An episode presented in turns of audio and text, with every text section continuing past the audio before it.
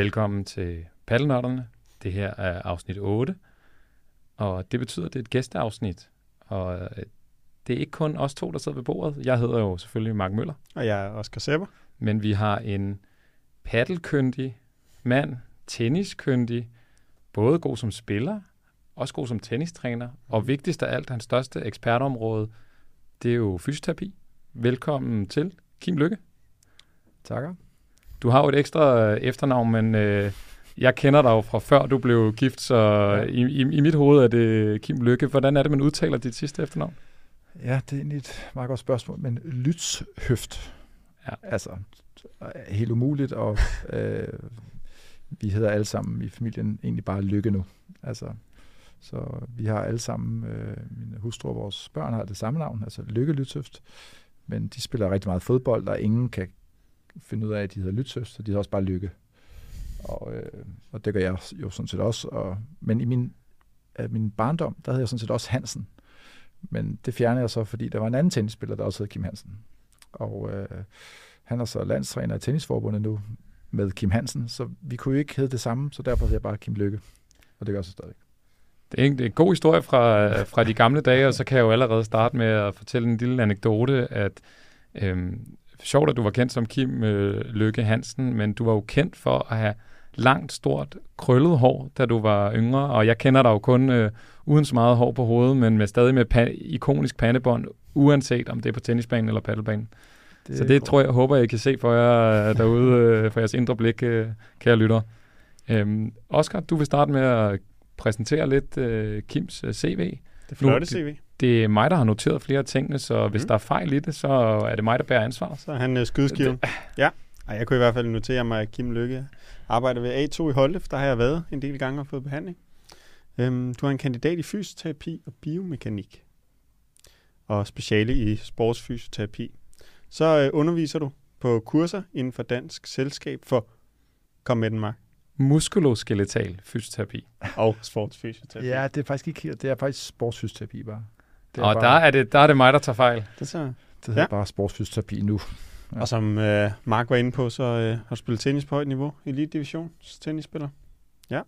Og øh, nu fys for det danske Davis Cup hold. Tennis til alle dem, som ikke øh, følger så meget med i tennis derude. Og så øh, har du selvfølgelig haft æren af både at behandle mig og Mark. Det kan man Det er, jo, det er jo mega vigtigt at have med i CV'et. det kan man stille spørgsmålstegn ved, om det er en ære eller er, ej. det er jeg meget stolt over. ja. Spiller både god tennis, som vi var inde på, men også øh, god paddle. Får spillet lidt. Ja, altså, det er jo, alt er jo relativt, ikke? Men øh, jeg har spillet ret meget paddle, øh, Mm. for, da det startede op for nogle år siden. Ja. Øh, ja, det ved I jo bedre, hvornår det startede op, men der var jo ikke så mange, der spillede paddle for Nej. 5-6 år siden, og der, hvis man kunne spille lidt tennis, så, øh, så var fungerede det paddle et, et oplagt, øh, ja. Når man ikke var lige så hurtige og kunne bevæge sig så meget på tennisbanen, så var paddle oplagt. Ja. Derfor var vi en del sådan ældre tennisspillere, der kom ind i paddleverdenen og spillede lidt paddle den vej. Og så, øh, ja. Ja, det kan være, der kommer en anekdote senere fra en kamp ude i Ballerup, som vi har spillet sammen, øh, Kim. Det, er nu, rigtigt, nu, må, ja. nu må vi vente og se. Og så er du øh, behandler ved øh, Danish Paddle Open. World Paddle Tour. Ja, øh, det har jeg været to gange nu, Ja. ja. øh, sammen med en af mine øh, dygtige kollegaer, der hedder Max Strøm, og ja, andre kollegaer, der også har været med i det her. Øh, det er jo et stort setup, Ja. World Paddle Tour. Vi er sådan fire, fem, seks fysioterapeuter til, øh, om dagen øh, til det setup der.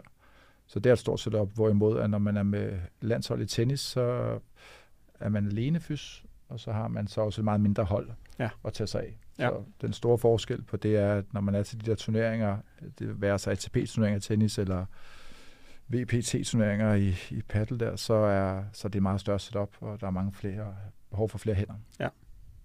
Det giver god mening. Og hvis jeg skal sætte rammen for dagens afsnit, jamen så starter vi med nogle lidt lette, generelle paddelspørgsmål, som vi altid byder vores øh, gæster på. Og så øh, går vi efterfølgende ned i dagens øh, emne, som er skader og forebyggelse, og vi kigger lidt på de mest hyppige skadesområder øh, hos de fleste paddelspillere, før der er nogle øh, lytterspecifikke spørgsmål. Og så skal der jo sluttes af med en lille quiz, og ikke mindst et øh, rant, hvor jeg får blodet lidt i kog og, og deler noget af det, jeg har en stærk, stærk, stærk holdning til. Ja. Så glæder jeg mig til at se jeres respons på det. Ja, tak. Så det første, øh, det første spørgsmål, Kim, det er, hvem er egentlig sådan din øh, yndlingsmarker på paddelbanen for tiden? Ui, det er et godt spørgsmål. Øh, jamen, jeg har jo øh, lige nu, der har jeg lige været på øh, La Santa og spillet paddle. Eller jeg har været nede og undervise fysioterapeuter, øh, sportsfysioterapeuter i, øh, i fysioterapi om, hvordan undersøger man i knæ og en skulder og en hofte. Og i den forbindelse, der øh, spillede jeg en del paddle dernede med tre af mine kollegaer. Øh, de vil nok selv mene, at de har et rigtig højt niveau.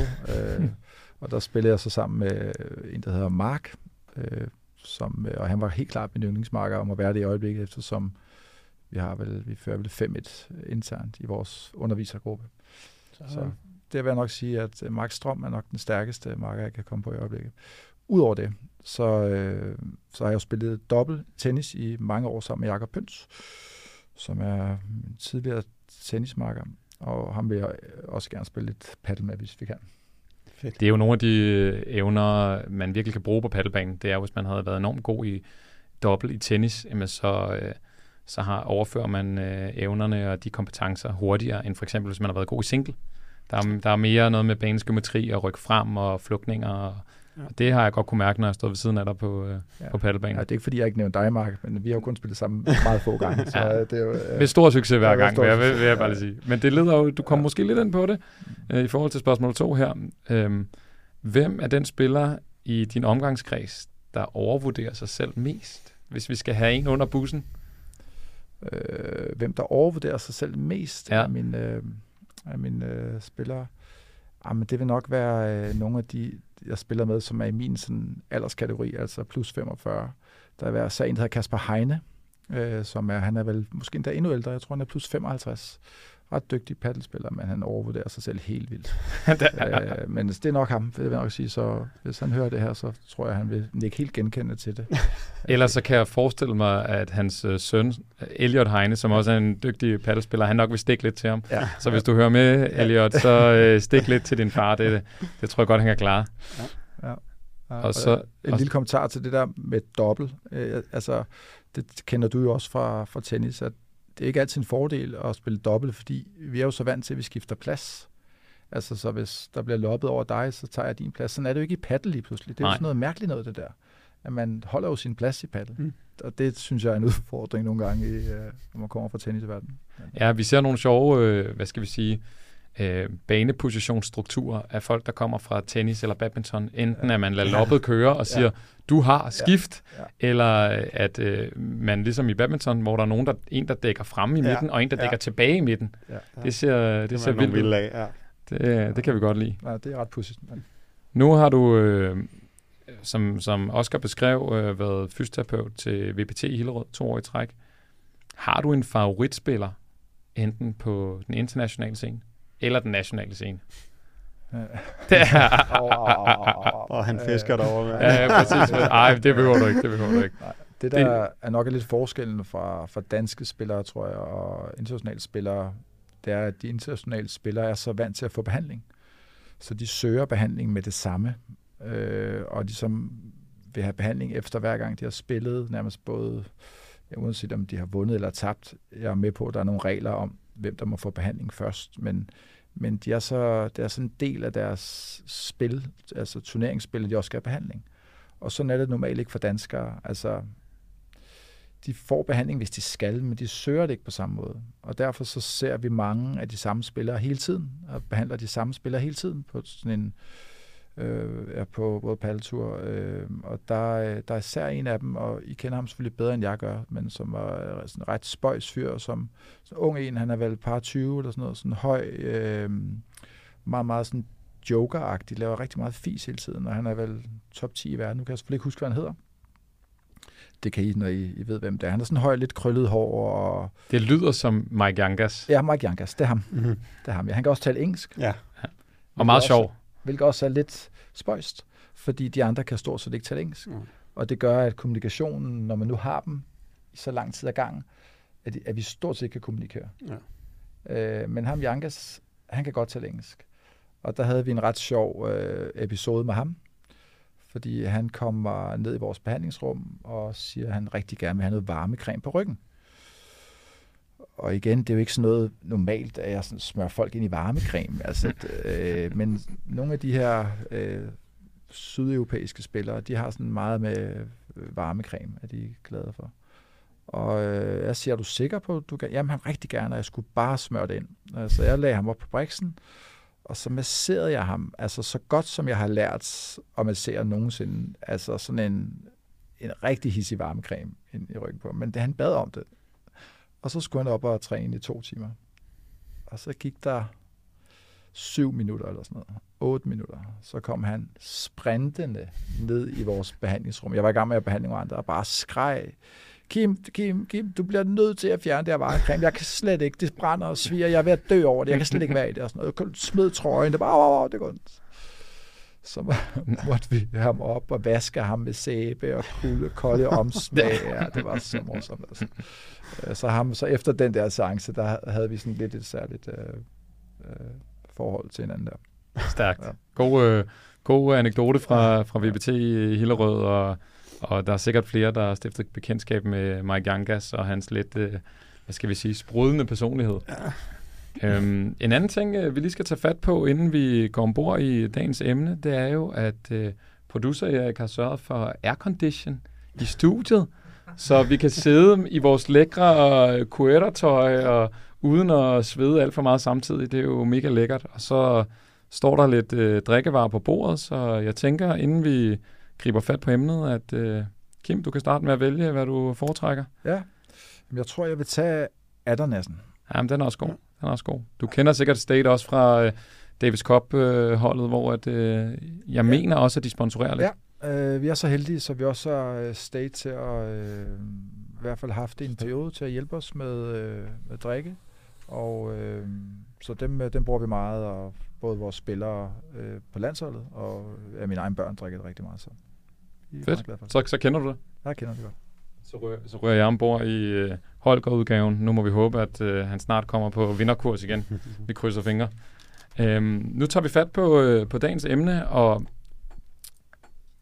ikke overraskende i forhold til et studie, du havde fundet, Oscar, og som I havde siddet og snakket om lidt øh, før vi mm-hmm. tændte øh, mikrofonerne, jamen så, så er en af de mest hyppige skadesområder albuen. Kim, og kan du prøve at sætte et ord på, hvad det, hvad det er for nogle typiske skader, paddelspillere møder i forhold til øh, alburegionen, og hvad man eventuelt kan gøre? Ja, altså øh, paddel øh, sådan, skaden nummer et må være albu, og det er det er i, hvis vi går i tennisverdenen, vil vi jo kalde det en tennisalbu, og nu er vi jo begyndt at kalde det en albu, eller undskyld, en paddelalbu. Mm. Fordi det er sådan, sidder for det meste lidt det samme sted. Altså det, er en, det smerter på ydersidearmen, øh, sådan op hvor øh, musklen, der er, er der noget kamera på herinde? Ja. Så kan jeg, hvis jeg kigger på den der, det der, det, det der. Den der. Så det, hvis jeg nu bruger Oscar sammen her, Kom så øh, de fleste har smerte her på ydersiden af, af albuen. Øh, det er der, hvor alle extensorscenerne, som det hedder, de hæfter sig her. Øh, og så får man smerter af det område her. Det går ondt, når man skal gribe om battet, og det går ondt, når man skal, især skal slå baghånd. Og det vil gå ondt i almindelige situationer, hvis man skal dreje låget af en state for eksempel, så vil det, så vil det gå ondt der. Og så vil det sådan gå okay i starten, og så vil det sådan langsomt blive værre og værre, til sidst så kan man slet ikke spille. Men det er især på baghåndssiden, at problemet er. Og det vil altså sige, at det er især øh, de tekniske udfordringer, som gør, at man får de her belastningsskader på albuen. Øh, så det er en motionist og ja, nu må I ikke øh, blive sure derude, hvis, hvis fordi I har ondt i albuen, er så tiltaler jeg som motionister. Men de skader, der sidder på ydersiden, det er ofte, fordi man har en lidt forkert teknik. Øh, altså bruger sit forhåndsgreb, sit, øh, lidt mere sit forhåndsgreb end sit baghåndsgreb. Men det kan vi tale om senere, det har I meget mere styr på. Men jeg tænker, jeg tænker i forhold til det, jamen så er det jo det fantastiske ved paddle, det er, at man kan få en fornemmelse af flow og få en følelse af, at man virkelig er kompetent også selvom man måske teknisk er lidt begrænset. Og det ja. kan i den her henseende være uhensigtsmæssigt, at man simpelthen bliver ved med at spille og øger belastningen og flere og flere timer og flere og flere slag, ja. øh, uden nødvendigvis at få tilrettet enten øh, teknikken eller selve belastningen. Ja, altså jeg, jeg tror, at øh, et er, som du er inde på, eller er inde på, at, at mængden af catchersport er pludselig steget helt vildt for den her gruppe af mennesker, som ikke nødvendigvis har spillet catchersport før og så spiller paddle 4 timer, 6 timer, 8 timer om ugen, mm. med en teknik, der ikke er beregnet til det. Og mange af dem, de tager jo bare battet, så holder de deres øh, for, forhåndsgreb, og så bruger de det greb til alle slag hele vejen Mm. rundt. Og det er det, der er udfordringen. Så, øh, så øger man kravene til extensorscenerne ganske meget. Og, det, og så er der selvfølgelig noget med udstyret. Ikke? Så hvis man ligesom tager teknikken, det kan I jo hjælpe med, og det, øh, jeg prøver også at hjælpe med det, men jeg, jeg henviser ofte til trænere og siger, jeg kan se på, på din teknik, når du viser mig den i, i rummet her i klinikken, at den skal rettes til. Øh, så henviser jeg til træner, og så siger jeg, I bliver også nødt til at tale om det udstyr, du spiller med. Altså, øh, jeg har ikke noget forhold til mærker eller diverse mærker, men, men det er klart, at, at vi er interesseret i, at de har et bat, hvor vægten er nede i grebet, hvor den ikke er ude i hovedet, så det ikke er for hovedtungt. Vi er interesseret i, at skummet i battet er det mest eftergivelige, man kan få på markedet. Vi er interesseret i, at overfladen er eftergivelig, og at det ikke vejer, vejer for meget. Og de fleste standardbat, de ligger jo omkring sådan noget 360 øh, gram ish. Ja. Ja. Så dem, der ligger omkring de 340, det er helt klart i den ende, at vi, jeg vil gerne vil have dem ned i. Og så en sidste ting, som jeg synes er lidt udfordret på paddeludstyret i øjeblikket, det er, at, at grebet er for småt. Altså i tennis, der kan jeg, hvis når jeg har motionister, der spiller tennis, og ikke kan slå baghånd, eller har ondt i baghånden, så kan jeg meget hurtigt lære dem at slå med to hænder. Når du to hænder på, når du slår baghånd, så halverer vi jo lidt af belastningen, fordi de bruger den anden hånd til at hjælpe med. Men i paddle, det er jo nærmest kun Mads, øh, Mads Laudrup, som jeg har, som rigtig kan slå til den med to hænder i baghånden. Ja. Øh, alle os andre, der kan vi ikke være der på battet, og, øh, så jeg håber og tror, at, at dem, der kommer først med at lave et paddlebat, hvor grebet er længere, øh, kan hjælpe mange af vores motionister på baghåndssiden. Så. Det giver super god mening, og jeg ved i hvert fald, at flere mærker eksperimenterer det her med at gøre grebet længere, Ja. Hvilket jo t- i tidligere, tidligere betød, at der kom mere vægt ud i hovedet, men at de så får, får ligesom ændret vægtbalancen, så der stadig er en relativt lav balance, men med et langt greb. Ja. Øhm, og det, det giver super god mening, og der er jo flere. Niels Gejo, nok den bedste danske paddelspiller ja. i venstre side, bruger også to hænder nogle gange, når han får en powerful bold inden glas. Mm. Det ser vi altså også på professionelt niveau. Ikke så meget hos herrerne, mest hos, hos damerne. Men det her med, når der kommer en powerful bold mod baghånd, som man tager indvæg, jamen der er der altså nogen, der støtter. Og det giver jo, som, så, som du siger, Kim, endnu bedre mening på måske øh, lidt lavere niveau end elite-niveau. Jankers, apropos, Ja. laver nogle gange med to hænder faktisk. Han spiller med Valion, som er nogle af dem, der, som du siger, eksperimenterer lidt med længere greb nogle gange. Så han, øh, Jeg, jeg slår to at- hænder en gang imellem. Ja, og jeg tror, at på, på elite-niveau er det ikke så afgørende, fordi Nej, nej, deres struktur er så veltrænet, deres scene vil være så god kvalitet, at det ikke er der, vi ser øh, de laterale, altså de yderste, undskyld, de yderste albuegener, Mhm. mm. fordi de har teknikken i orden. Der, hvor de får ondt, altså hvor at, at LeBron for eksempel får ondt, eller andre får ondt, det er jo på indersiden. Mm. Altså det er alle albue, hvis vi bruger din arm igen, Ja. når vi har et kamera der, så vil det være de smerter, der sidder på indersiden. Og hvis, du- altså nu spiller du ikke med venstre, men mm. så Mhm. vil det være smerter her. Og der ser vi rigtig mange af vores elitespillere, som får ondt. Og der er det jo en lidt anden ting. Det er jo ikke fordi, de ikke øh, har teknik i orden, men det er bare fordi, at mængden er så vanvittigt høj, at der er så meget forhånd, og der er så meget underskro, altså der er så meget det her sådan slice, hvor man hele tiden bruger de her muskler, der skal lave den her bevægelse, som er, er, er meget, meget mere, end det er i tennis. Så derfor så ser vi hos elite paddelspillerne, der får de altså smerter på indersiden af armen, og motionisterne, de får på ydersiden af armen. Sådan kan man godt dele lidt op, tror jeg. Det giver super god mening, og som du beskriver også en af årsagerne til, at vi har konsulteret dig meget, det er jo det er en fremragende evne til at diagnostisere, men også til at kende øh, evidensen og kunne beskrive det. Så det er jo også derfor, vi har kigget forbi øh, mere end et par gange øh, ude i, til A2 ude i, ude i Holte. Hvis nu man har smerter, Kim, i, i albuen, hvad vil du så anbefale, øh, man gør? Ja, det, for det første, så synes jeg, man skal, man skal kigge på loadet, ikke? den samlede mængde load. Hvad er det, du udsætter dig for i løbet af dagen? Og så den første vil helt klart være at reducere det samme mængde load. Det, det tror jeg, det, eller det hjælper vi i hvert fald en del med ved bare at skrue ned for loadet. Så, øh, så synes jeg, man kan tage to veje til det. Det ene er, at at det er jo interessant at fastholde folk i idrætten, uanset om det er motionister eller elitespillere som jeg er. Men motionistdelen, der vil jeg mange gange spørge dem med, når, hvor spiller du ind på banen? Jamen, jeg står i baghånd, fordi jeg er bedst i baghånd. Men det er også der, du er ondt. Kunne du ikke bytte plads med din marker, for eksempel? Så du stod i forhånd, så fedt. Allerede der reducerede du nogle af de ting. Øh, det kan de godt være med på, og det kan ændre lidt på det. Det, kan, det er jo i hvert fald, som du siger, på lidt lavere niveau, fordi når vi kigger på højere niveau, så hvis man spiller i forhånd eller højre, så bliver boldene så lange, at man faktisk får flere baghåndslag ind mod midten.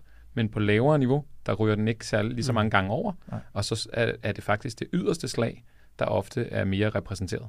Så det er jo, øh, som du siger, på lavere niveau, der giver det jo nemlig mening nogle gange at komme over i den anden side. Ja. Så jeg tror, at det, det, vil, jeg, det vil jeg altid forsøge med for at fastholde dem i, idrætten. Og så, og så vil jeg tale om deres udstyr. Altså, som vi lige har talt om, kan vi hjælpe med jeres udstyr? Og det vi ikke lige har talt om nu, og det gør vi lidt mere i, øh, i, øh, i tennisverdenen, der ændrer vi på boldene. Altså det vil sige, at der spiller vi jo nogle gange med en bold, der er med en, en lidt lettere bold, eller sådan mindre, de der grønne bolde med en grøn prik på, eller en Mhm. mm-hmm. orange bold. Og øh, jeg tror faktisk også, det er en mulighed at, med vores motionistgrupper at lade dem spille med en lidt lettere bold, så impact ikke er så kraftigt. Øh, og det er ikke rigtigt, jeg har ikke, det kan være, at I, har, I bruger det måske i jeres øh, træning, med, også med motionister, men jeg tror, det er noget, som også kommer i paddelverdenen, det er, at vi bruger bolde med lidt lavere tryk, så vi kan fastholde dem i at spille, uden de har ondt. Det har jeg næsten ikke set Nej, det i har jeg, paddelhallerne Nej. hos paddeltrænerne. jeg Og jeg har, jeg, jeg har oplevet det meget, meget, meget ofte i tennis, Ja. at man brugte det her værktøj. Men fordi paddle er så let at gå til, så er det som om, at man ligesom tager rammerne øh, for gode varer, og ikke nødvendigvis ændrer på for eksempel boldtype eller Ja. banestørrelse. Ja, det tror jeg, jeg tror, det er noget, der kommer. Altså, jeg tror, det er noget, der kommer i jeres mm. verden, at med dem, som har ondt, så i stedet for at tage dem ud af spillet, så ændrer vi bare på ja, netop banestørrelse, øh, udstyr, bolde, øh, øh, vægten på battet, sådan siger, okay, så nu kan jeg faktisk godt spille. Det er ikke helt det samme, men det er dog tæt på. Øh, så, så det tror jeg er den del, som vi skal skrue på som det første, fordi der er så meget udstyr, man kan skrue på inden for øh, paddle. Altså bolde og bat, ikke? Ja, og det, det jeg oplever nogle gange i forhold til den her skade, det er jo diverse Instagram-videoer, hvor der står, lav den her øvelse hver dag, og så forsvinder dine øh, albusmerter. Men det jeg hører dig sige, det er, at det handler mere om at kigge, øh, øh, kigge i teknik, i kigge i udstyr, og så kan det være, at den her øgede belastning, den har en, den har en, øh, en Ja, så- faktor. Og så kigge på loading. Ja, altså præcis. netop at, at halvere loadet for eksempel, fordi det der jo være udfordringen, hvis vi sætter en, en motionist til at sige, at der er nogle styrketræningsøvelser som er relevante for dig, men det er jo øget load oven i det load, de har i forvejen. Mm. Så det, der bliver svært nogle gange at fastholde folk i en idræt, det er, hvis vi så samtidig sætter dem til at lave en masse styrketræning af deres albue, og de så også skal spille paddle, Mm. fordi så bliver det jo bare endnu mere load på det, der i forvejen er overloadet. Mm. Så hvis vi går ud fra udstyrsdelen, så, så er der evid- ret god evidens for, at styrketræning af både på ydersiden af albuen og på indersiden af albuen kan være med til at reducere smerterne, forebygge øh, skaden, at den opstår, men også øh, gøre helingstiden hurtigere og sørge for, at det kommer igen. Men det, der er det spændende spørgsmål, det er, hvor meget træning skal man lave, altså ekstern styrketræning, i forhold til det paddle, man gerne vil spille. Mm. Så i nogle tilfælde, så har folk jo så ondt, at vi må tage dem helt ud af paddle, og så må vi lave noget alternativ træning for at stimulere strukturerne, så de kan helt ordentligt op. Jeg vil lige hurtigt spørge. Du var inde øh, på det her med, med bat, at man kan eventuelt kigge ind i at få sig et bat, der er mere skånsom for ham. Der sidder helt sikkert nogen derude, der gerne vil høre. Har du noget bud på, hvad det så kunne være for noget bat?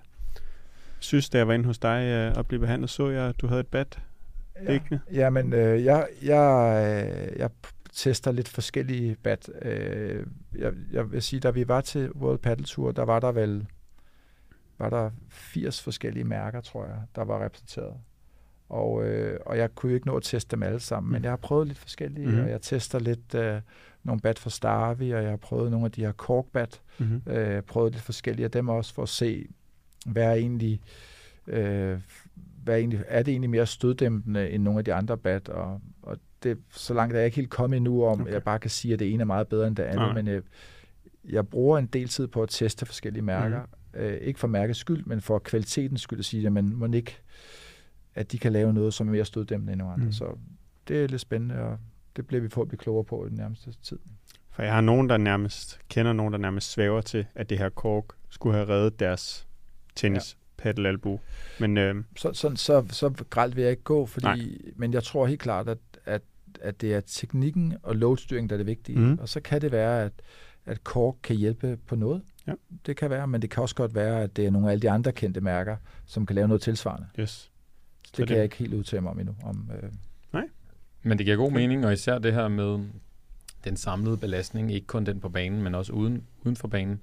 Nu går vi videre til næste region, og det er jo noget, jeg har øh, søgt råd hos dig omkring, og det jo, var mit knæ. Jeg har haft en overbelastning i patellascenen, og det vi fandt ud af, det var, at min belastning var simpelthen for høj. For jeg havde jo også læst de studier, som du sidder og beskriver, at styrketræning kan være godt, det kan være rehabiliterende, det kan være forebyggende. Øhm, så jeg havde simpelthen en for høj load, der gjorde, at jeg ikke kunne restituere, og sengen ikke kunne ligesom øh, genvinde sin, øh, sin styrke. Så øh, hvad var det, du rådgav mig omkring ud øh, i den her situation?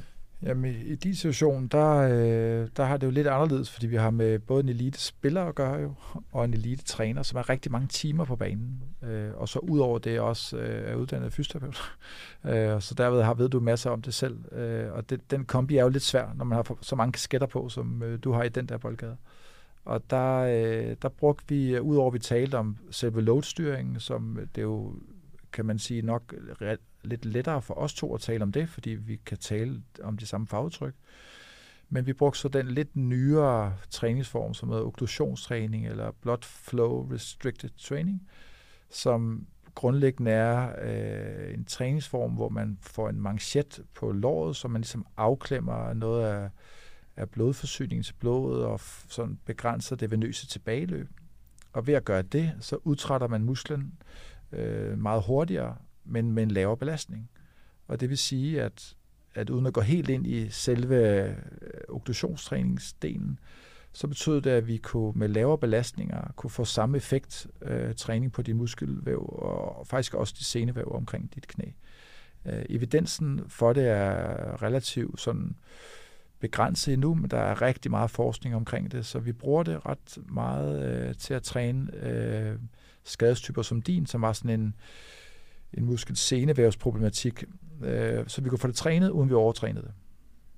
det. Det virkede i hvert fald rigtig godt, og jeg kiggede også ind i alle mulige andre måder at træne på, øh, men det var klart det her, der gjorde den, den største øh, forskel. Og så ved jeg ikke, om Kim har gjort det under jeres behandlinger. Stillet dig spørgsmål om, om det her, øh, kender du til det her, Mark? Og så bliver jeg presset lidt, og så skal jeg lige tænke over at præsentere den viden, jeg nu engang har. Men, øh, han er ikke... Øh, han ved, at jeg har så begrænset viden, så det er han ikke kaste sig ud i med mig. Nej, vi to, vi har ikke talt så meget om det. Vi har haft andre ting. Ja. Ja. Hvilke andre øh, typiske knæskader møder du øh, hos paddelspillere? Øh, ja, altså øh, eftersom en stor del af dem, der spiller paddle, er plus 40 sådan segmentet, hvor øh, vi i forvejen har sådan øh, lidt artrose, som er jo sådan lidt begyndende slidgigt i vores knæ, så bliver vores knæ jo noget mere udsat, når vi er så meget nede i knæene, som vi er i paddel. Øh, så, jeg, så det, jeg ser hos andre, øh, det er, at de får simpelthen simpelt overbelastet deres knæ. Altså hele deres, øh, deres knæled bliver overbelastet. Øh, på motionistdelen, og det vil sige, at meniskerne bliver trykket, brusken bliver trykket, altså det er sådan det, vi ser der. Og når vi så har øh, elitespillerne som dig, så er det jumpers knee, altså senevæd på forsiden, som bliver provokeret. Så det passer, du er meget godt repræsenteret for, hvordan elitespillerne præsenterer sig med gener, øh, og hvor står mig selv, så vil jeg være meget godt repræsenteret på plus 40 eller plus 45 segmentet med lidt øh, slidte knæ. Ja, nu snakker du det her om, øh, også om øh, hvad skal vi sige, at styre selve loaden. En ting, vi har ligesom brugt som begreb, når vi laver træningsplaner, det er det her med progressiv overload og ligesom at dosere. Øhm, kan du prøve at sætte et ord på det, Kim, for lytterne derude? Ja, altså vi, vi ved jo, at dem, som øh, øger deres træningsmængde for hurtigt og for meget, altså med over sådan noget, vi prøver at kigge på, hvad de har lavet de sidste fire uger, og så prøver vi at øge mængden derfra med noget, der minder om sådan noget 10, 15, måske helt op til 20 procent. Hvis vi ligesom kan styre det i uge 5, jeg ved ikke, om man ligesom kan følge med i den der logik, altså man kigger på, hvad har du lavet de sidste fire uger, og, og så øger man ikke den samlede mængde med mere end 10-15 procent til u 5. Hvis man kan holde sig til det, så bliver man ligesom inden for den der progressive øh, overload, inden for det, der er rimeligt. Men dem, som så går fra øh, til øgning på 50 procent eller 60 procent i u 5, fordi de er på træningslejre, de er på La Santa og skal spille paddle, eller de er sammen med jer i en uge, og ikke fordi jeg skal tage noget for det, men er på en camp med jer, hvor de skal spille seks timer om fredagen, det samme om lørdagen, og så har de også en turnering om søndagen. De kommer i kæmpe risiko for at få de her um, overuse-skader, fordi deres mængde stiger så meget på alt for kort tid. Det, det er ikke dem, som spiller en time mere om ugen. Det er ikke dem, der er problemet. Det er dem, som går fra, som øger det med 30, 40, 50 procent. Øhm. Og det er vel også en tankegang, man kan benytte uden for banen, når vi snakker om styrketræning eller generel belastning. Det behøver vel ikke kun at øh, hænge sammen med paddel? Nej, det gør det ikke. Altså, det er den, det er den samlede mængde, og vi, vi ser jo også, at, at der er nogen, der gerne også begynder at styrketræne, og de vil også begynde at løbetræne, og de vil også gerne tabe sig, og de vil også gerne mange ting på én gang. Øh, og, og, og det glemmer de bare lidt. Det tæller alt sammen. Og for øvrigt så er de så også... Øh, arbejder de som sygeplejersker på et sted, på et hospital, hvor de går 20.000 skridt om dagen, og så får de altså lidt i deres hæle eller i deres svangsener, når de så også spiller på en lidt hård øh, paddlebane øh, 8 timer om ugen. Så man er nødt til at kigge på det hele billede og se, hvad laver du i din hverdag? Hvordan passer det med den mængde, du udsætter dig for på en øh, paddlebane? Det vi har prøvet i, øh, hos os i Movie Game, det er at skabe en kultur, hvor vi kalder det træningens trænighed hvor hver eneste gang, vi ankommer ned til hallen, men så prøver vi at varme grundigt op, før vi går ind på banen, og vi har altid også nogle aktiviteter øh, i forhold til fysisk træning, vi laver efterfølgende. Og det prøver vi virkelig at være enormt heldige omkring, så det er sådan en pakke, så man heller ikke øger belastningen på banen helt vildt, uden at tingene omkring ligesom følger med. Det er en rigtig god idé, og, og vi kan jo bare se på, sådan, hvis vi gerne skal kigge lidt på evidensen, så har man i, øh, i fodbold, som jo er en lidt større, lidt, stadigvæk en lidt større idræt end, end paddle, i hvert fald i Danmark, der har man jo prøvet at finde ud af, hvordan kan man reducere nogle af alle de her akutte og overuse-skader i fodbold. Og der har man lavet et særligt fodboldopvarmningsprogram, der hedder FIFA 11+, Plus, som er sådan lavet til fodboldspillere. Og det ved vi, det kan reducere alvorlige skader med helt op til 50 procent, og overuse-skader med helt op til 70 procent. Altså, det er helt vildt. Helt sindssygt, fordi man laver et specifikt opvejningsprogram, som er lavet til fodboldspillere. Altså lad os bare sige 50% reduktion i skader, øh, og det der er lavet rigtig, rigtig mange studier på. Det kan jeg ikke engang, øh, jeg, jeg, der er så mange referencer på det. Så hvis man nu kunne lave et tilsvarende, som hedder et, altså et paddle plus program, hvor man lavede et specifikt opvejningsprogram, som tog sig af, til, så vil man kunne reducere rigtig mange af de skader, der opstår, fordi folk er klar og forberedt på det, de skal ind og lave. Så det kan I bare komme i gang med. Jeg skal nok hjælpe jer, men det, det er i gang. så, så, så er den smidt ud i æderen, og ja. så, må, så, må vi, så må vi samle dem, den ja. op, Oscar, ja. og tage, fat, tage fat i Kim. Et, øh, et andet område, hvor der også er relativt øh, hyppige skader, det er jo i sådan fod-ankel-region. Ja. Hvilke skader øh, oplever du ofte der? Jeg tror, man skal dele det op i to. Altså man skal dele det op i den akutte skade, og så i overuse-skaden. Og i den akutte skade, der ser vi en del øh, akillesenproblematikker, altså øh, ruptur, altså akillesen, der går i stykker. Øh, det er vel nok den hyppigste sådan, akutte skade hos paddelspillere, det er overrevet akillesen, som der er i øjeblikket. Mm. Virkelig, virkelig mange sådan skal accelerere frem til en kort bold, og så river deres akillesen i stykker. I gamle dage, hvis man kan tillade sig at sige det, så var det jo i badminton, det skete det her. Nu sker det ofte i paddle. Mm. Så er der ankeldistorsionerne, altså din forstudede ankel, som igen, når vi kommer op på et højere niveau, så er det fordi, at øh, I glider så meget både frem og ud til bolden, at I øh, vrikker rundt og laver en sådan en, en mere klassisk ankelforstudning. Øh, og det er sådan det typiske skader, der er i, i akutdelen. Og man så går i overuse-delen, altså overbelastningsdelen, så vil det være øh, typisk svangsene irritation, som på vores sprog hedder fascitis plantaris. Øh, nogen vil kalde det en hælspor. Det er bare meget sjældent en hælspor, fordi der ikke er en, en spore, altså en knogle, der vokser ud. Det er, fordi senetilhæftet er blevet overbelastet. Og så bliver senen under hælen, altså lige der under hælen, hvor man kan trykke ind på hælen, så gør, så gør den øh, ondt.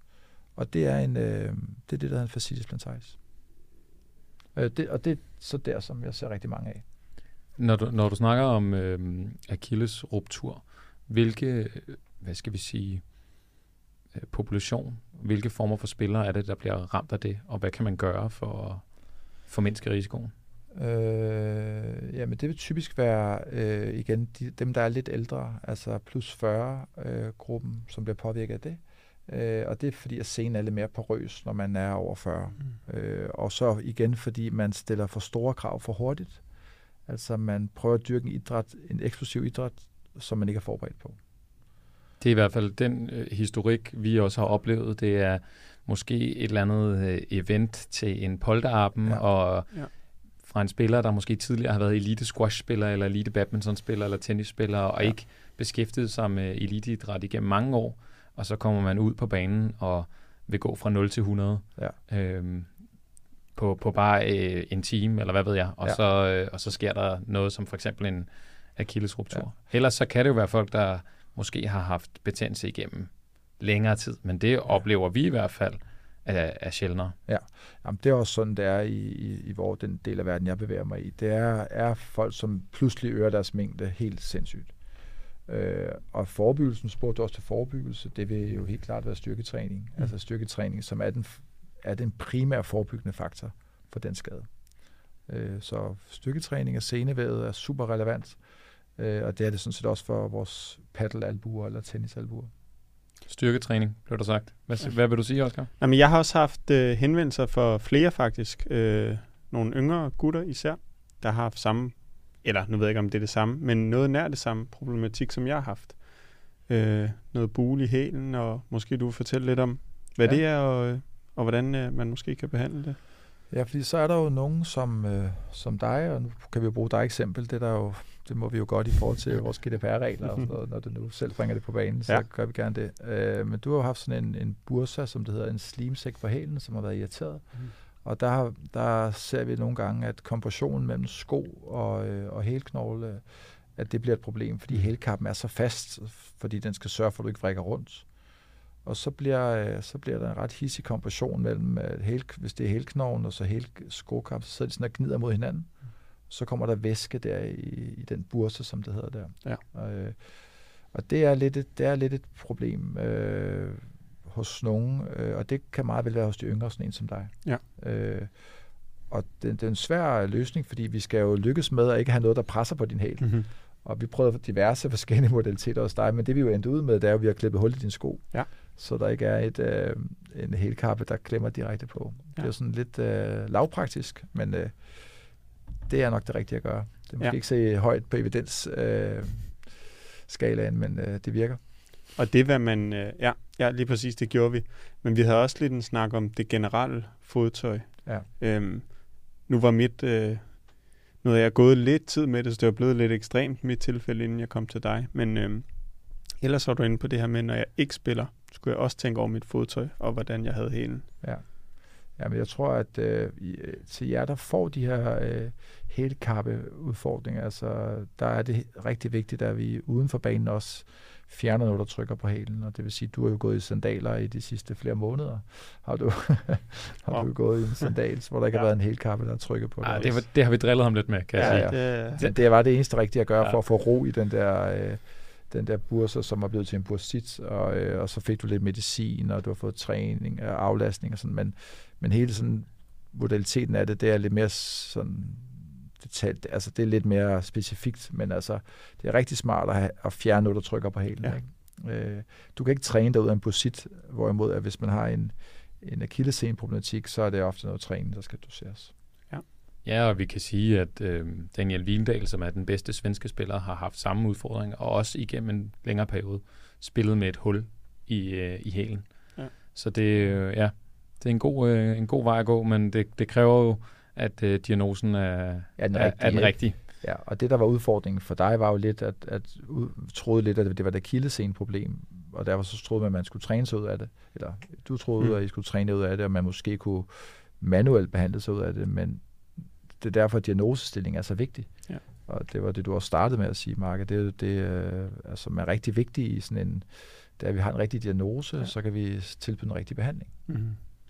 Den sidste region, vi vil tage fat på, det er omkring skulderen. Og der ved jeg også, at der er mange paddelspillere, der har kæmpet med diverse former for skulderskader. Og tidligere har jeg mødt, også i mit fysioterapeutvirke, øh, diagnosen øh, skulder impingement, men det er vel lidt en samling af flere forskellige diagnoser, Kim. Er det rigtigt forstået? Ja. Altså, øh, man kan dele, øh, ja, det er jo lidt, øh, det, man kan jo dele igen, ligesom med, med foden kan man dele det op i akutte skulderskader og overuse skulderskader. Øh, og i overuse skulderskader, hvilket der er flest af i øh, ketchersport eller, altså, eller i, i paddle, der, der kan man igen dele den op i lidt forskellige sådan, veje at gå, hvor hvis man tager sådan en klassisk impingement, altså noget, der ligesom bliver klemt lidt ind i skulderen, så vil det typisk ikke være øh, sådan elitespillerne, der får det, fordi de, deres teknik er så god, så de gør ikke en, en forkert belastning hele tiden. Det er mere igen motionisterne, som har en uhensigtsmæssig teknik, og skal have det der bat over hovedet så mange gange, at de klemmer på senevæv ind i skulderen, som hæver, og så kan det ondt. Og det, øh, det, det er derfor, at man skal ligesom dele det op i. Der er ligesom igen en, en der er det, der hedder en superkromial impingement, som er lidt mere en motionistdel, hvis man mm. bruger nogle fagudtryk, men det hvor hvis man har, er elitespiller, så er det ofte en poster super impingement, som er, er noget, der kommer i klemme, når man har armen op i sådan en overhead-position, og skal, så kommer der noget i klemme om på bagsiden mellem skulderbladet og, øh, og ledhovedet, fordi man laver så meget ud af rotation. Og jo mere ud af rotation man laver, jo mere fart kan man også få i øh, afviklingen. Og derfor er det en fordel at kunne ud af rotere rigtig meget, fordi så kan man også slå rigtig hårdt. Men når man ud af rotere rigtig meget, så er der også højere risiko for, at man klemmer i strukturen på bagsiden. Og jeg ved ikke, om der er nogen derude, der har prøvet at træne kicksmash med en boldmaskine med gamle bolde, men det gjorde jeg i starten af min paddelkarriere. Og der kunne jeg altså mærke noget, for der står man jo og ja. har den her kastebevægelse, ja. og står i ude rotation igen ja. og igen og igen og igen, og nærmest forser det frem. Ja, og det, det er jo det, der er problemet. Og det, det der er forskellen også, som man også skal vide, det er jo, at, at paddle er et meget mere netsøgende spil, end hvis man har spillet tennis for eksempel. Mm. Altså 80 procent af alle duellerne blev afgjort ved nettet, det er det jo slet ikke i tennis. Mm. Så hvis man kommer fra tennis, hvor man er stået ned for baglinjen og slået foran af baghånd, og så pludselig spiller paddle, hvor man ved nettet hele tiden, der skal man hele tiden høje volley og høje smash. Enten prøver man at lære sådan en bandatter eller noget, altså, og ingen kan finde ud af det, og de prøver og prøver og prøver, og det belaster altså skulderen ganske, ganske meget. Øh, så det, det, jeg tror, det er, det igen er det et teknik, øh, et teknik-issue, som I skal hjælpe dem med, og så er det igen et load, at man skal være klar over, at når man spiller paddle, så skal man rigtig meget til nettet, og der er rigtig mange overhead-aktiviteter, mm. som man ikke rigtig har i tennis. Ja, det har man ved saven. Ja. Og man saver 40 gange cirka per sæt i tennis. Altså det vil sige, at det er så de 40 gange, man slår den over hovedet nærmest. Ja, men jeg kan godt risikere at loppe 40 gange i en duel, nærmest, ja. hvis, hvis jeg spiller rigtig defensivt, og så bare blive nede i hjørnet og loppe igen og det gør og igen. Du tit, og, og det, det gør du tit. Lidt, lidt for tit, vil ja. nogen sige. Ja. Det giver... Øh, så ja, det er nok der. Det er nok der problemet er, ikke? Og så, men vi har sjældent de her skuldre, der går led i paddle, eller en ledlæbe, der bliver ødelagt, fordi at, at den har været i en yderposition. Det, det ser vi ikke så tit, øh, men vi ser de her overuse-problematikker. Hvis man skal lave noget sådan målrettet styrketræning eller elastiktræning for at forbedre sin skulderfunktion og have forebygge fremtidige skader, hvad vil du så anbefale, man skulle gøre? Ja, altså hvis man skal skære det ned til meget få ting, så skal man, øh, så bliver man nødt til at træne øh, rotatorkoffen i skulderen. Øh, det kan man gøre, og det er, det er de muskler, der sørger for, at armen kan rotere oversat. Ikke? Øh, men det er især smart at træne det selvfølgelig op i den her position op her, og så især at træne den bremsende, bremsende bevægelse. Så hvis vi nu bruger Oscar som eksempel, kan du rykke dig lidt til mig? Så, kan vi, fordi så har vi et kamera der, ikke? Vi bruger bare venstre arm. Sådan så, at hvis du nu skal slå der, så kunne man godt tænke sig, at man skulle træne de her muskler rigtig meget, for det giver meget fart. Men det vi rigtig gerne vil træne, det er hans bagside, fordi de skal bremse hans arm. Så når han smasher meget, så skal de muskler, der er på hans bagside, de skal holde igen. Og det er det, de ikke er stærke nok til. Så i princippet vil vi kalde at træne de muskler herom, træne dem ekscentrisk. Og hvis man skulle lave et meget simpelt trick, så ville jeg sige, hold din arm her, og så vil jeg holde din arm der. Bare hold den der, jeg lægger Jeg må ikke kunne flytte din arm. Hold imod, hold imod, hold imod, hold imod, hold imod, hold imod, hold imod, hold imod. Så lægger jeg pres på der, og så laver Oscar styrketræning af sin bagside, men han laver det ekscentrisk, det vil sige, at han bremser bevægelsen. Og så træner han lige præcis de muskler, han skal træne, i stedet for kun at stå og træne ind af rotation, ind af rotation, eller stå og træne ud af rotation, ud af rotation, så må man gerne træne den bremsende bevægelse. Og det vil sige, at, at hvis jeg skulle komme med et godt råd, så skulle man træne øh, den bær, de bæreste muskler i, på skulderen og træne deres evne til at bremse armen, når den kommer fremad. Og så vil jeg bede dem om at lave en strækøvelse, og den hedder Slivers Stretch. Den er der lavet et utal af studier på, at det reducerer smerter i skulderen hos overhåndsatleter, hvis de laver den ene strækøvelse. Øhm, og det kan man bare søge på. Det hedder Sleepers Stretch, øh, altså man ligger ned og stretcher. Øhm, det er nok så styrketræning af koffen med fokus på bremsedelen, altså den ekscentriske del, og så en enkelt strækøvelse, som hedder Sleepers Stretch. Øhm, det vil nok være de to, hvis du, hvis du presser mig til at kun komme med... Det gør jeg. Ja, ja det gør det jeg. gør det, så de to, ja. Og så i forlængelse af det, så synes jeg jo, at det giver rigtig god mening, det her med den progressive overload, at man træner, man er stærk og stabil igennem hele bevægelsen. Men øh, en ting, jeg øh, var ude, ude for, det var, at efter min øh, endte fysioterapeutuddannelse, øh, så gik jeg meget til sådan lidt øh, crossfit i en kort periode, og jeg skulle arbejde med min mobilitet i forskellige led, blandt andet min hofte. Og det er jo også noget, der er meget populært på Instagram, med at man holder dine hofter sunde. Og jeg lavede en masse indadrotationsøvelser, og lige pludselig så fik jeg noget smerte, og øh, tog også øh, fat i dig. Og det her med, at nogle gange kan vi have nogle restriktioner eller begrænsninger, som det ikke er muligt at presse igennem. For hvad var øh, situationen med, med min hofte? Ja, altså det som øh, jeg også ser, og når vi bruger dig som eksempel, øh, så, så har du sådan lidt, øh, du havde en begrænset bevægelighed i din hofte, som mere er en, er en slitageforandring, øh, eller en genetisk øh, forandring, som gør, at du ikke kunne komme mere i, øh, i øh, inderrotation. Og øh, det vil sige, at hvis du blev ved med at prøve at lave strækøvelser på at øge din inderrotation, så vil du bare hamre knogle mod knogle, og så vil du sådan set bare få mere ondt. Og derfor så var behandlingen for dig egentlig bare at stoppe med det, Mark. Lad være med at lave de her rotationsbevægelser. Så slipper vi for at klemme på din ledlæbe, som er den, som hedder, som er en labrum inde i din hofteled. Og så, jamen, så kan du spille uden at få ondt, øh, hvis du lader være med at gøre det. Og derfor får jeg også sådan lidt sådan, bliver lidt udfordret nogle gange, når jeg ser, at, at diverse idrætsfolk laver rigtig mange udstrækningsøvelser for deres hofte, fordi at mange af dem kan slet ikke få deres hoftemobilitet bedre, nærmest bare værre, hvis de sidder og laver strækøvelser for deres hofte. Det er i hvert fald, jeg har jo haft en, øh, en øh, ungdom og min teenageår fyldt med idræt, fyldt med tennis, men også rigtig meget fyldt med fodbold, og hvor jeg er venstrebenet, så jeg har stået og lagt et utal af indersideafleveringer på, på, på midtbanen med udadroteret øh, hofte, så min mobilitet i indadrotation har været meget, meget, meget begrænset gennem mange år. For jeg var ikke særlig dygtig til at lave mobilitetstræning måske i den periode, hvor jeg kunne påvirke det. Og så er det lidt sværere at påvirke det i 30'erne end i teenageårene, vil jeg umiddelbart vurdere. Ja, og hvis man lige skal tage den, så kan man tage den både i forhold til hoften og skulderen. Det, der sker i din vækstfase, der, der er knoglerne så bløde, så de tilpasser sig de belastninger, du udsætter dem for. Og det vil sige, at din knoglestruktur i hoften har helt sikkert ændret sig, så de har givet dig mere plads til at være udadroteret. Det vil sige, at det har været lettere for dig at få benet tilbage og lave en halvliggende vridspark for eksempel. Fordi det har du haft behov for. Så har knoglerne ændret sig. Det har kunne lade sig gøre i vækstfasen. Det samme ser vi i skuldrene. Hvis vi kigger på din skulder, så har du lavet så mange saver og overhead-aktiviteter i din vækstfase, så overarmsknoglen har også roteret sig, så du har mere plads i udrotation end rotation. Det er bare sådan, det er. Det er en naturlig tilpasning til de krav, du stiller. Men hvis du så, når dine vækstzoner er lukket, og din knoglestruktur er lukket, begynder at tro, at du kan ændre på de knoglemæssige forandringer, så, så får du altså nogle udfordringer, som, som ikke kan lykkes med. Og sagt, vi ser det i paddle og tennis, men vi ser det også i kampsport, hvor folk tror, at de kan gå i split og spagat, når de er plus 40. Det får de nogle gange lidt svært Det kan jeg forestille mig. En, øh, en, nu har vi været i ombord i forskellige regioner og forskellige specifikke diagnoser. Hvis vi skal se på, på smerter og måske kroniske smerter lidt generelt, hvilke andre faktorer øh, påvirker så vores, øh, vores smerteoplevelse?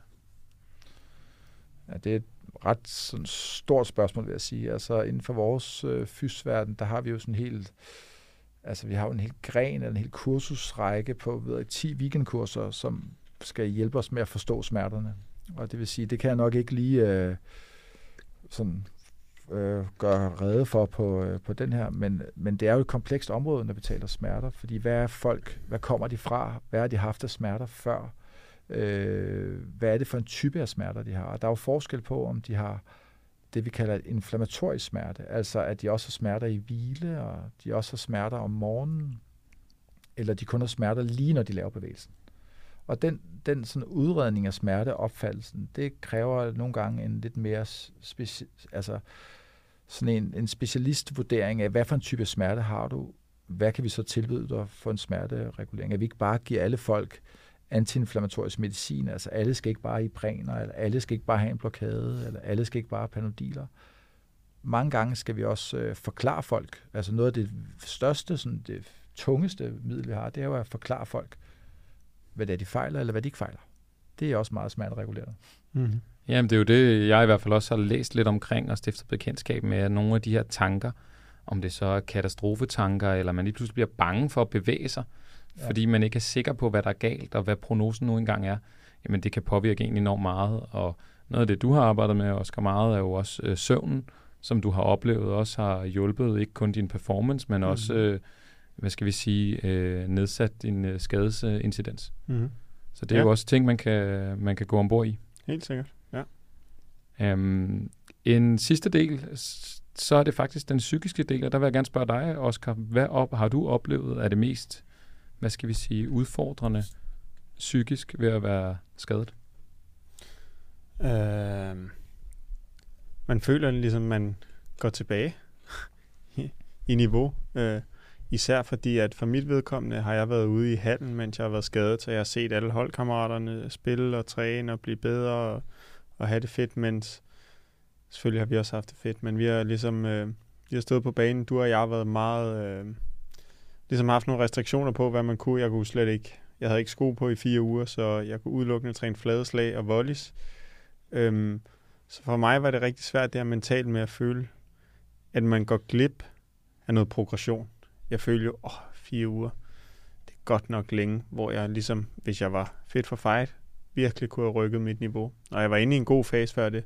Så øh, det er lidt ærgerligt, det der med at gå for en, en, en, en rigtig god fase til så at føle, at man ikke bare stopper den fase, men næsten føler, at man går lidt tilbage, fordi timingen på mine overheads har ikke været der siden skaden. Øhm, så det har været rigtig svært der med at føle, at øh, man næsten går et, et skridt tilbage igen niveaumæssigt.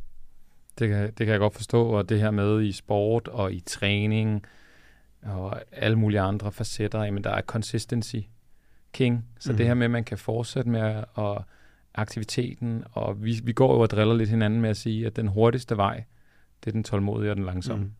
For der er ikke nogen genvej. Hvis man presser speederen for meget i bund, så kommer der en regning på et eller andet tidspunkt. Ja, ja. og det snakker vi også om, mens jeg var skadet, og, og øh, virkelig prøvede at følge Kims råd med, hver gang jeg var færdig med selv at træne, af med skoen, på med sandalerne, med det samme. Øhm, og det har bare gjort, at jeg har det godt nu med min skade. Altså, øh, jeg har fuldt de her råd og været ret ekstrem, men når jeg ligger derhjemme, prøv ikke at helt ned på sofaen, ligge med den fri, så der ikke er noget, der trykker, og som sagt kun sandaler på, og prøv at gøre øh, alt, hvad man kan for at optimere og være consistent med det, som du siger. Jamen det tror jeg egentlig var det, vi havde på programmet i forhold til emnet. Har du noget, Kim, du gerne vil dele i forhold til skader og skadesforebyggelse? Mm. Nej, jeg, jeg, hvis jeg skulle dele en ting, så er det nok, at hvis jeg skulle slå slag for noget, så vil det jo være det forebyggende. Mm. Øh, et er selve skadesbehandlingen, og det er jo en ting, men der er jo nogle gange nogle ting, der bare tager den tid, det tager, og det kan vi ikke rigtig trylle. Vi kan ikke rigtig trylle med, med, med at få tingene til at gå hurtigere, i hvert fald ikke altid. Øh, så det er helt klart den forebyggende del, jeg vil slå slag for. Altså, det kan være opvarmningsprogram, det kan være styrketræning bagefter, man laver det rigtige styrketræning så man forebygger skaden. Det er, der, det er noget af det, der er allerbedst evidens for. Det er øh, forebyggelse af, ved opvarmning og styrketræning. Altså, det kan forebygge skaderne. Så hvis man ikke allerede er i gang med det, så find ud af at sørge for at få varme ordentligt op, og sørge for at få hjælp til at få lavet et styrketræningsprogram øh, efter jeres øh, paddle, så skal I se sådan en som mig lidt mindre i hvert fald. ja, det giver god mening. Det vi, vi mangler tre elementer. Jeg kommer med et rant faktisk nu, og så har vi lidt anekdoter, vi skal gennemgå før vi afslutter med, med quizzen. Så mit rant her, det er, at en ting, jeg godt kan blive frustreret over, og det gælder både i paddle, og det gælder faktisk også i fysioterapi, det er, at folk ikke kommunikerer åbent og tydeligt med, hvilke kompetencer og evner de har. Jeg synes ofte, at øhm, man gør sig til ekspert på områder, man nødvendigvis er, ikke er sindssygt kompetent indenfor. En ting, øh, vi har snakket om i dag, det er jo det at diagnostisere. Det lærer man jo på fysioterapeutuddannelsen, hvor jeg er uddannet. Men ret hurtigt efterfølgende valgte jeg at beskæftige mig mere med træningsdelen, og det betyder også faktisk, at jeg ikke diagnostiserer på nuværende tidspunkt, også selvom folk kommer og spørger. Så noget af det allervigtigste derude, hold jer nu til jeres matché. Hvad er I gode til, hvis I bevæger jer ud på ukendt grund? Jamen, så tag kontakt til andre, og det er jo derfor, vi blandt andet har brugt dig, Kim, fordi det er jo for sige, dit eksper- ekspertområde, og ikke mit ekspertområde. Hvad tænker du om det, Oscar? At man ikke skal lytte til Mark, når han prøver at lære en at smashe. man kan jo godt være en god træner, uden man nødvendigvis ja, selv kan ja, smashe. Ja, ja, selvfølgelig, selvfølgelig, selvfølgelig. Nej, ja, øh, jeg er enig. Øh, især det, som siger, jeg har gået i lang tid med det, og ikke rigtig vidst, hvad det var, min skade, og så tog til Kim, og det tog øh, sådan cirka 20 sekunder, så øh, var der styr på det. Så øh, det, vil jeg helt, øh, det er jeg helt sikkert meget, meget, meget, meget enig i.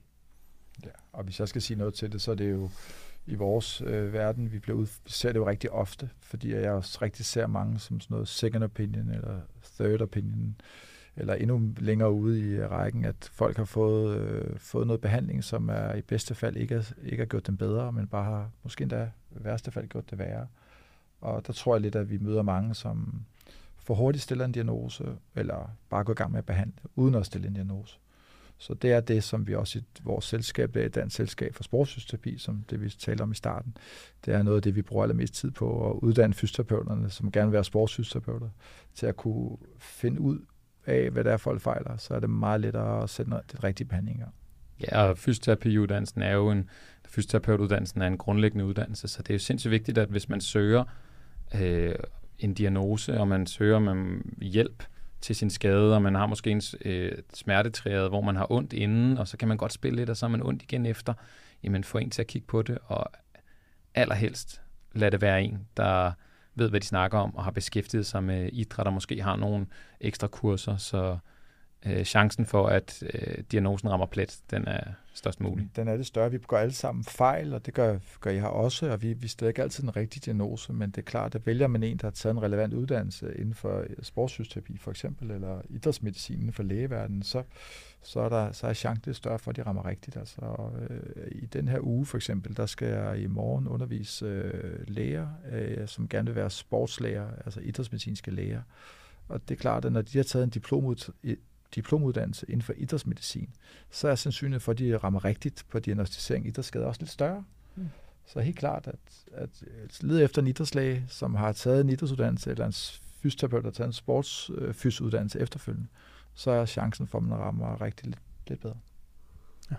Giver god mening. Vi skal til en, øh, et par anekdoter, og jeg kommer til at starte, og det handler om den øh, famøse kamp, vi har været kort inde på i Ballerup, hvor øh, vi to var øh, over for et par kyndige paddelspillere, og det er en af de eneste gange, jeg har sagt til min makker, prøv at høre, Kim, vi er så meget bedre end dem, når vi er fremme. Vi holder bare nettet. Vi lader ikke et eneste lop falde. Så hver eneste, hver eneste gang, der blev loppet, så var det bare med at hente fat, øh, fat i bolden, ned gerne i to væk, så man havde tid til at komme hele vejen frem, og så blev der ellers bare spillet massiv tennisdobbel på en paddelbane. Det var altså en sejr over to i hvert fald tidligere elite-divisions øh, paddelspillere, så øh, lad deres navne være usagte. Ja, øh, det, det kan være, at de selv vil give sig selv til kende i, øh, i den kommende tid, men det var en, øh, det var en vigtig sejr. Ja, det var en stærk sejr. Det, det var en øh, god... Og vi spillede jo også et sted, hvor det ikke var så højt til loftet, så, øh, så vi, vi dækkede nettet ret godt der. Ja. Det vil jeg sige. Det var nice. Har du en, øh, har du en anekdote, Oscar?